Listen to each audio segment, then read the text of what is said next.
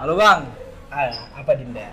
Aduh, long time no see. Tiba-tiba udah ketemu aja kita ya. Udah, udah hampir 10 bulan aku di Medan. 10 bulan. Di Medan. Udah di Medan, dari Medan apa? Dari Medan pulang Kapan sih di Malang? Tanggal 10 Juni kemarin sampai 10 Juni. Berarti barengan bang. Aku tanggal 13 sudah nyampe sini. balik Palembang kamu. Iya, kau abang baru nggak ngabar-ngabar, baru sempat ketemu sekarang kita. Iya, soalnya nanti banyak yang kejar-kejar. Ya, jadi diam-diam aja. Biar apa debt kolektor dah. Aduh. Enggak lah, masa. Nah, itu nggak usah dibilang-bilang di podcast lah. Masya Allah. Ajaib lah ya. Lanjut lah. Ngapain abang? Kita ini mau ngapa sih? Mau ngapain ya? Kan kamu yang undang saya ini. Nah iya, lupa. Nah, sebenarnya Pak, aku ini ada keresahan bang. Apa? Ada masalah apa Dinda? Iya, Bang. Ini seperti raut-raut muka bermasalah. Kan Dinda. kita kan masuk masuk semester ganjil genap, masuk lagi semester ge- gen- ganjil lagi kan. Kenapa itu ada masalah? Kalau masuk ganjil itu kan pasti kan masuk awal ini kan musim-musim maba. Musim-musim maba. Agustus, Juli, September itu musim-musim maba. Iya. Udah kan udah selesai SBM man. Ini cerita masalah nih kayaknya nih. Iya pasti dong. Ada masalah apa urgensi, itu? urgensi. Wah Dinda Dinda ini kalau ngobrol masalah terus yang diceritain ini ada masalah apa nih kan? Nah, kali ini Bang masalah ini masalah tentang dinda-dinda baru. Dede- Perkaderan. Dinda.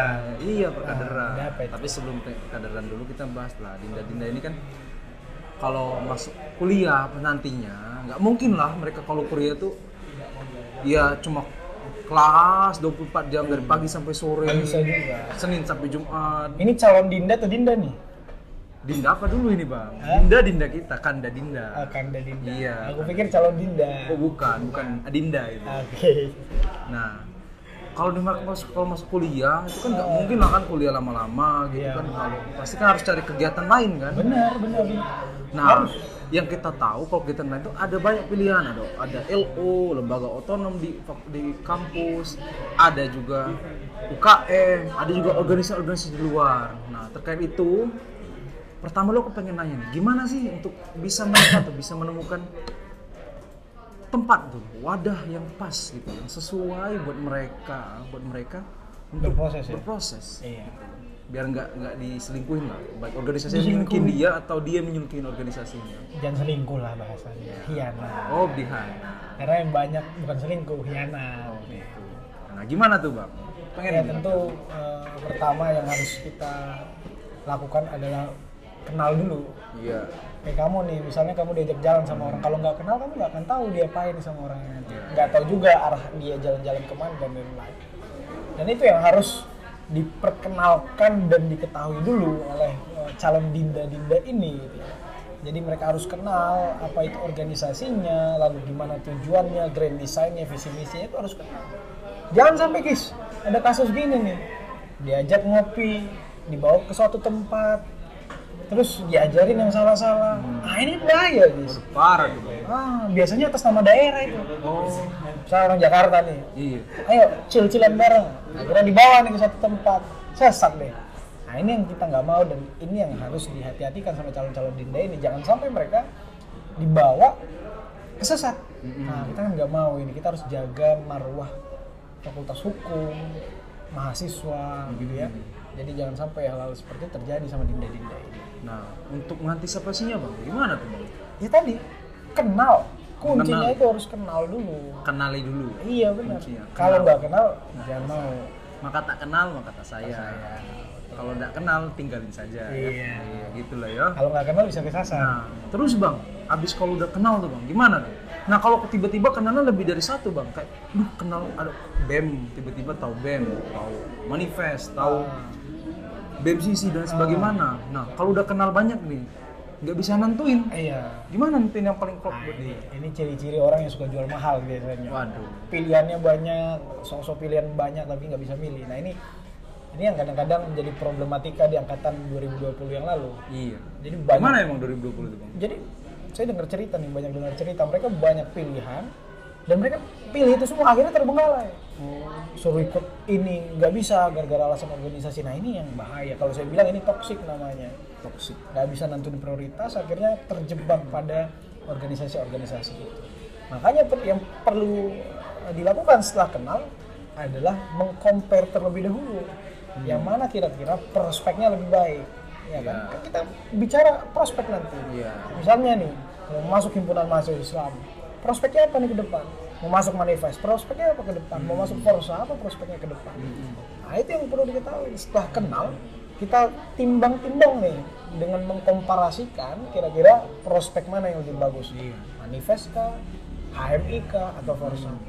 Pertanyaannya bisa nggak jalan tiga-tiganya? Bisa-bisa aja nggak masalah. Asal dengan catatan apa itu? Bertanggung jawab. Bertanggung jawab dan bisa menentukan skala prioritas. Iya. Ya, kan setelah udah kenal nih bang, udah kenal, udah klop, udah akrab, terus udah nentuin yang mana sih yang paling baik buat kita sama milih.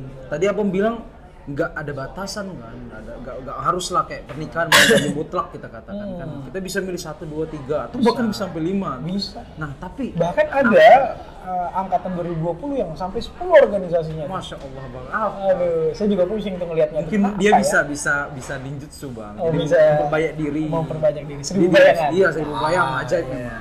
Dia membelajar dari scroll scroll benar benar. Dari Konoha memang mereka. Nggak salah dia. aduh terus? Nah masalah balik lagi bang, masalah kalau udah milih itu gimana sih bang? Ada nggak sih kayak takaran gitu? Bang?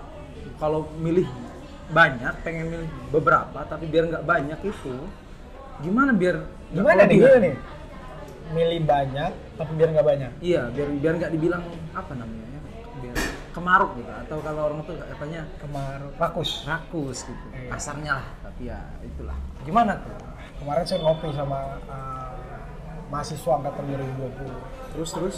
Yang kebetulan eh, organisasinya banyak banget. Iya. Sampai akhirnya terbengkalai. Lalu dia ikut project lomba project lombanya ditinggalkan. Akhirnya dia dicap.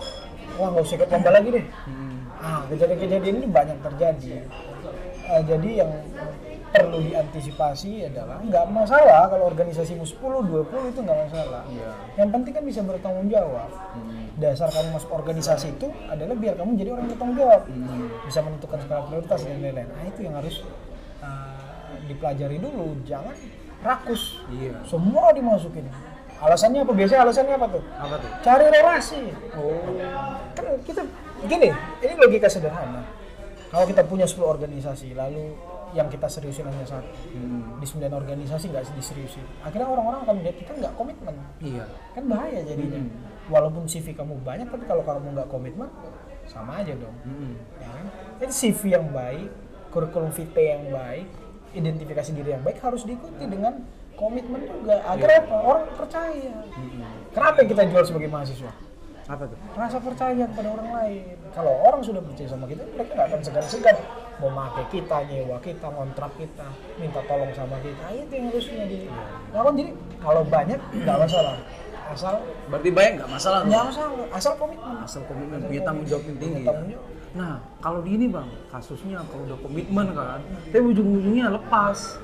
Ada istilah yang pernah aku dengar tuh, pernah aku baca, namanya istilah free rider. free rider Iya, free rider itu gimana kayak orang-orang ya numpang lah istilahnya. numpang nama Numpang nama. banyak banget memang begitu Nah, gimana sih kayak kalau kita udah terlanjur jadi free rider tuh, nggak mungkin lah kan free rider sampai akhir pengurusan. Betul. Gimana tuh? Ya, tentu kalau free rider free rider gitu satu konsekuensinya bagi diri dia sendiri orang-orang nggak akan percaya sama dia Iya. dan pasti circle dia lingkungan organisasi dia akan mengecap dia sebagai cuma numpang nama aja Iya. nah, ini kan buruk banget cap yang negatif Hmm. tentu kalau kita menghadapi situasi dan kondisi seperti itu yang eh, harus kita lakukan memang ketika kita sadar ya kita harus mundur Hmm. Kita nggak bisa memaksakan diri terus menerus menjadi free rider Iya. kita harus menentukan prioritas. Jangan sampai nanti kepalang kita sudah punya tanggung jawab akhirnya kita tinggalkan. Iya. ya nah ini yang bahaya. Dan ini terjadi di angkatan 2020 lagi banyak sekali dinda kejadian-kejadian seperti itu. Ikut organisasi eksternal ikut organisasi banyak banget. Akhirnya terbengkalai semuanya. Alasannya apa? Sibuk organisasi. Ini. Karena nggak produktif. Iya. Nah ini yang harus diwanti-wanti kepada calon-calon dinda ini. Gak usah rakus banyak organisasi, terbengkalai semuanya, akhirnya namanya buruk, lalu semua terbengkalai, dia terkenal tidak punya komitmen, ya kan? Bukannya keren, Tapi jadi apa? jadi jelek banget nama dia kan begitu. Hmm. Orang nggak akan lihat nih organisasimu berapa, tapi orang akan lihat apa yang telah kamu lakukan untuk organisasi. Kalau nggak ada, ya sudah sia-sia itu semua. Itu banyak terjadi itu dan itu ini saya sekalian curhat nih menjadi satu kesalahan saya sendiri dan kegundahan saya kenapa sih orang-orang memilih untuk uh, memilih banyak organisasi tapi pada akhirnya terbengkalai dan ditinggalkan nah ini calon-calon dinda ini jangan seperti ini Pak Iya. yang belajar dewasa jangan rakus. Kalau kamu dikasih seribu jangan minta dua ribu. Iya. kalau kamu dikasih 100 juta jangan minta 200 juta. nah itulah kira-kira seperti itu Nah, oke lah kita tadi kan bahas tentang banyak lah tentang organisasi gitu kan dari memilihnya, itu perlu mengenali dulu lah, kenali diri diri diri sendiri dan kenali dulu organisasinya. Jadi c- abis terus komparasi, komparasi apa tuh komparasi organisasi itu Benar. yang di- dikira cocok, memang sudah banyak. Yang mana sih yang paling baik dengan kita kan? benar benar Terus benar baru ketika sudah cocok tidak ada sebenarnya batasan selama mereka punya rasa tanggung jawab. benar benar benar benar Nah, oke. Lalu ketika kalau mereka sudah tidak bisa menghadapi beban ketika mereka terlalu banyak, harusnya mereka mengundurkan diri atau istilahnya lepas. iya Jangan memaksakan lah. dan seharusnya lagi sebelum hal itu terjadi makanya kita wanti-wanti nih di podcast ini jangan memilih terlalu banyak tentukan prioritas tentukan prospek gak usah banyak nyoba gak usah banyak nyoba yang kita jual satu kepercayaan sama orang lain apalagi anak fakultas hukum. Nah, kita betul. nggak kita nggak ngejual kita bisa desain atau apa. Kita ngejual kepercayaan sama orang lain kan itu. Kalau orang sudah percaya dia pasti akan make kita mengeksploitasi kita gitu ya. Jadi sehingga orang-orang dapat percaya dengan kita walaupun organisasi kita satu atau dua. Nggak perlu lah sepuluh. Nggak keren tuh. Kalau sepuluh organisasi ditinggalin semua ngecut namanya itu. Nah, kalau tepat macet ya. Nah, kalau organisasi tentunya untuk mahasiswa baru itu bukan hanya organisasi lah untuk mengisi kegiatan hari-harinya. benar ada lagi pastinya kan pengen lah semua mahasiswa itu apalagi mahasiswa baru itu Hmm. pengen menjadi mahasiswa yang berprestasi bukan hanya bukan mau apres tapi yang berprestasi Secara Bagi- akademik. secara akademik atau non akademik atau Yes. bagaimana lah mereka caranya untuk berprestasi benar benar nah kalau tadi soal organisasi ketika mereka ingin sudah aktif organisasi sudah sesuai pilihannya lalu pengen mencoba ah pengen nyoba lomba nih lomba eh, kegiatan, nih gimana nih gimana nih bang Iya. Abang juga punya pengalaman nih kan ikut organisasi juga ikut lomba. Gimana sih pertama mengimbangkan untuk mencoba organisasi dalam secara bersamaan aktif organisasi tapi mengikuti lomba juga. Nah, saya punya tiga eh, skala prioritas yang ditentukan. Pertama, ah, ini tidak hierarki ya, tidak berjenjang, tapi setara. Iya. Organisasi, akademis, sama prestasi. Jadi teman-teman ini harus berpikir gimana caranya bukan hanya ngejar organisasi, tapi ngejar nilai akademis. Tapi juga harus ngejar prestasi. Tiga hal ini yang perlu diseimbangkan. Jadi Adinda ini nggak bagus juga kalau cuma ngejar organisasi, akademisnya anjlok, prestasinya buruk. Ya kan? Kalau misalnya eh, ada yang bilang, oh nggak apa-apa, yang penting banyak channel, banyak link. Kok ah, akademisnya buruk, prestasinya nggak ada, siapa yang mau? Iya. Apa yang kita tawarkan? Jadi kalau kamu bilang eh, kamu berorganisasi untuk dapat link, link ini harus diikuti juga dengan prestasi, harus diikuti juga dengan akademis. Jadi nilaimu tinggi, prestasimu banyak, linkmu banyak. Hmm. Akhirnya apa? Orang-orang akan berlomba-lomba Menghampiri. menghampiri. Bukan kita yang menghampiri, tapi dihampiri kita. Iya, karena memang gini, tugas dan kewajiban kita awal di datang ke kuliah ini adalah untuk memenuhi kebutuhan akademis. Iya. Benar nggak? Betul. Nah, harus itu dulu pertama. Kalau kebutuhan nilai-nilai akademis kita sudah Terpenuhi. tercapai, terpenuhi, atau kita berusaha sedang berusaha mencapai yang terbaik, kita harus kejar lagi yang lain. Apa itu? Prestasi. Hmm. Ya kan? Kalau kita sudah ngejar prestasi, akademisnya bagus, prestasi bagus, baru dimuluskan dengan Organisasi. organisasi. Ini harus tiga hal penting ini harus dibangun agar eh, nilai jual kita sebagai mahasiswa menjadi bagus. Ya, berarti harus sepaket lah ya. Karena mereka itu istilahnya sebagaimana kursi kan. Benar. Tidak bisa satu kaki saja berdiri kan. Benar. Terus diringin tinggi-tinggi benar-benar jadi bisa berdiri secara mantap. Benar. Ya, karena karena saya sering mengalami, saya sebagai mahasiswa berprestasi, ya perlu juga menyeimbangkan dengan hal-hal lain. Hmm. Akademisnya harus bagus, Hmm. organisasi harus bagus. Agar apa? Agar semua paket-paket itu terpenuhi dan lengkap. Harusnya seperti itu.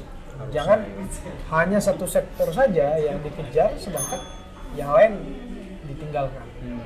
Nah ini ujian kita hari ini. Gimana caranya mengoptimalkan tiga hal ini, membarengi tiga hal ini, dan ketiga-tiganya tercapai secara optimal. Harusnya seperti itu. Tapi jangan berarti jangan sampai terlena ya walaupun kayak padahal secara tiga hal tuh harus secara melengkapi. Tapi itu, itu bersifatnya uh, komplementer melengkapi semua. Bukan substitusi ya, tapi komplementer. Jadi jangan sampai terlena namun eh, ha- hanya karena organisasi bagus gitu mereka lupa untuk berprestasi dan Benar, akademik. benar. Dan itu yang saya selalu wanti-wanti dari dulu. Angkatan 2019, ke angkatan 2020. Kalau kamu mengajak organisasi, jangan lupa kejar nilai-nilai akademis, jangan lupa juga kejar prestasi. Mm-mm.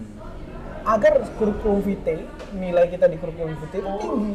Hmm. Iya kan? Kalau kamu organisasinya banyak, misalnya kamu ngejar organisasi aja, tapi nilai akademis kecil, prestasi kecil ya sama aja. Nah balik lagi bang terkait prestasi. Nah, Eh, tadi berarti kan kita harus menyimbangkan berarti kan tiga poin tadi terus seimbang. Nah kemudian dalam berprestasi ini gitu, gimana nih ketika dalam berusaha menyimbangkan mereka itu istilahnya kelabakan gitu. nggak bisa menyimbangi ketika mereka ada ada jadwal rapat, ada jadwal kegiatan lainnya, padahal mereka fokus pada itu. Gimana sih untuk bisa seimbang gitu loh? Memang perlu seimbang, perlu kan? Tapi Perlu. gimana? Kalau Ya. kuliah lah pasti kan sudah kewajiban lah, pasti diprioritaskan. Namanya yang orang suka bingung adalah memprioritaskan organisasi dengan prestasi. Nah, bagaimana itu? memang itu challenge ya, itu tantangannya. Saya pernah di satu situasi di mana harus ada kegiatan organisasi yang dihadiri. Hmm. Ini masih masa offline ya. Iya, Harus ada eh, lomba yang harus diikuti dan harus ada nilai yang dikejar. Arti nilai ini dalam arti harus kuliah begitu. iya. Memang ini challenge ya dan challenge ini bisa dituntaskan kalau eh, teman-teman itu sudah menentukan skala prioritasnya. Iya. jangan sampai nanti kalau kalau prioritasnya tidak terbentuk semuanya dikejar akhirnya terbengkalai. Nah makanya harus ditentukan skala prioritas mana yang perlu dilakukan pertama Iya. kalau urgent di organisasi kejar organisasinya. Mhm. kalau urgent di perlombaan ya kejar perlombaannya. Atau kalau urgent di eh, akademisnya ya kejar di akademisnya. Mhm. dan itu harus ditentukan. Jangan sampai eh, kalau bahasa eh, timur tengahnya itu taklid. Iya. ya kan? Karena dicinta banget sama organisasinya organisasinya nomor satu. Hmm. akademis dan prestasinya ditinggalkan nggak bisa gitu juga. Semuanya harus imbang. Hidup ini harus balance terutama di dalam hal-hal seperti ini itu harus balance Berarti setelah tadi yang kita prioritas, kita bandingin dan sebagaimana itu, kita paling utama itu juga ada skala prioritas ya bang. Nah, harus harus ditentukan skala prioritasnya. Itu berarti so- kunci menjadi seorang insan ya. Insan apa bang? Insan akademis, pencipta dan pengabdi. Itu kuncinya. Kita harus menjadi seorang kader-kader seksi ya. Nah, jadi kalau cuma satu aja dia nggak jadi insan. Iya. Jadi kalau dia lengkap ketiga-tiganya tercapai Kita mengabdi saya akademi. Itu bakal jadi kader-kader seksi, bakal lirik, lirik orang. Tidak perlu menjilat atau bagaimana caranya. Ya. Nah itu persoalan banyak menjilat tanpa prestasi tanpa nilai akademis. Nah, itu jadi persoalan juga. Itu jadi persoalan. Tapi kalau organisasi yang bagus, akademisnya bagus, eh, prestasinya bagus, nggak usah ngejar orang. Mm-mm. Orang pasti akan ngejar dia. Iya. Dia akan balance. Nah, terakhir bang, mungkin dari aku gitu. Tadi udah bahas bagaimana sih menyimbangkan. Tadi udah organisasi, udah prestasi, dan terakhir gitu. Gimana sih gitu? Ketika kita sudah banyak organisasi, prestasi, kadang kita lupa diri gitu, terlena pada diri kita, kadang kita capek akhirnya, lupa untuk kembali ke diri kita sebagai manusia gitu, beristirahat. Bagaimana sih mereka bisa untuk mengembalikan diri gitu, untuk, untuk rehat sejenak gitu? Gara-gara tadi terlalu berlebihan organisasi, terlalu banyak kegiatan, berlomba, akhirnya mereka lupa akan diri mereka sendiri. Gimana tuh? Cek, Mengembalikan diri untuk rehat sejenak, biar tidak istilah kalau istilah sekarang overthinking gitu loh. Ah, kalau saya bilang ini eh, ini challenge juga karena kalau kata Thomas Hobbes, Homo homini lupus, Iya. manusia itu rakus, Hmm. Eh, dia serakah, yang maunya hanya menggigit-gigit orang lain kan gitu ya. Kalau Homo homini lupus kan manusia sebagai serigala bagi manusia lainnya.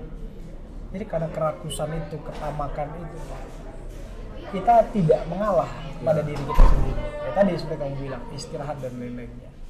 yang pada akhirnya kita terbutakan dengan hal itu Hmm. padahal kita perlu istirahat dan lain-lain jadi kalau kamu tanya gimana caranya agar kita kembali ke fitrah kita sebagai manusia tidak rakus uh, kemudian tidak tamak ya kita harus sadar bahwa semua itu ada batasan dan ada proses regenerasi. Iya. memang siapa sih yang nggak mau jadi terbaik? Memang siapa sih yang nggak mau uh, CV-nya bagus gitu ya? Uh, maka yang perlu dilakukan adalah sadar. Sadar bahwa ya ini cukup dulu lah.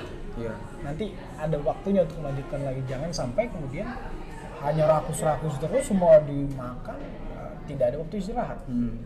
Nah, memang ini jadi problematika kalau uh, kita masih egois dan tidak bisa mengenal diri kita sendiri. Iya. Kita maunya dikenal orang. Wah ini si Agis hebat nih, ikut lomba ini, lomba ini, lomba ini. Tapi dia tidak kenal pada fitrahnya sebagai manusia yang harusnya Hmm. membumi, Hmm. uh, sharing kepada orang lain dan Iya. hal-hal baik lainnya. Dan memang kunci daripada itu ya sadar diri gitu. Iya. Nah, itu harus dimiliki oleh seorang insan Pesan- akademis, pencipta dan teman.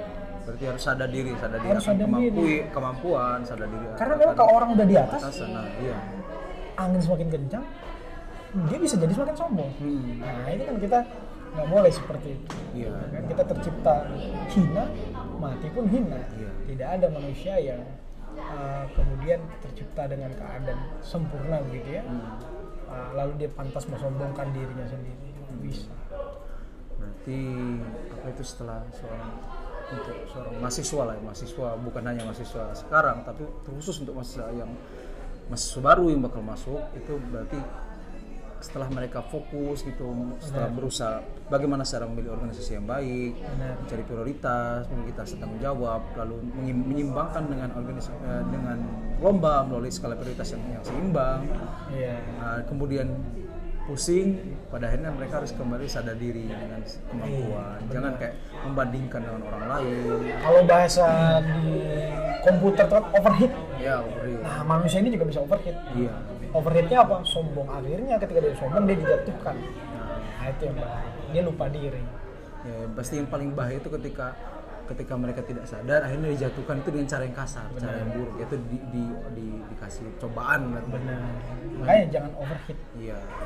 Iya. Aduh, kayaknya udah komplit nih pembahasan. Kayak dari tadi kita bahas tentang apa bisa dibilang tips and trick atau gimana nih? Ya, pembahasan lah. Arahan Kanda. Arahan, arahan iya tuh, arahan kanda boleh. Instruksi lah ya, Instruksi. instruksi yang baik dan benar. Himbauan jadi Oh, instruksi. himbauan, himbauan yang baik dan benar untuk menjadi seorang kayak militer. Oh iya juga. Karena kita bukan bukan militer kita. Bukan militer. Kita apa namanya? Kanda. Mimbar akademik. Jadi kita hidup di mimbar akademik yang bebas.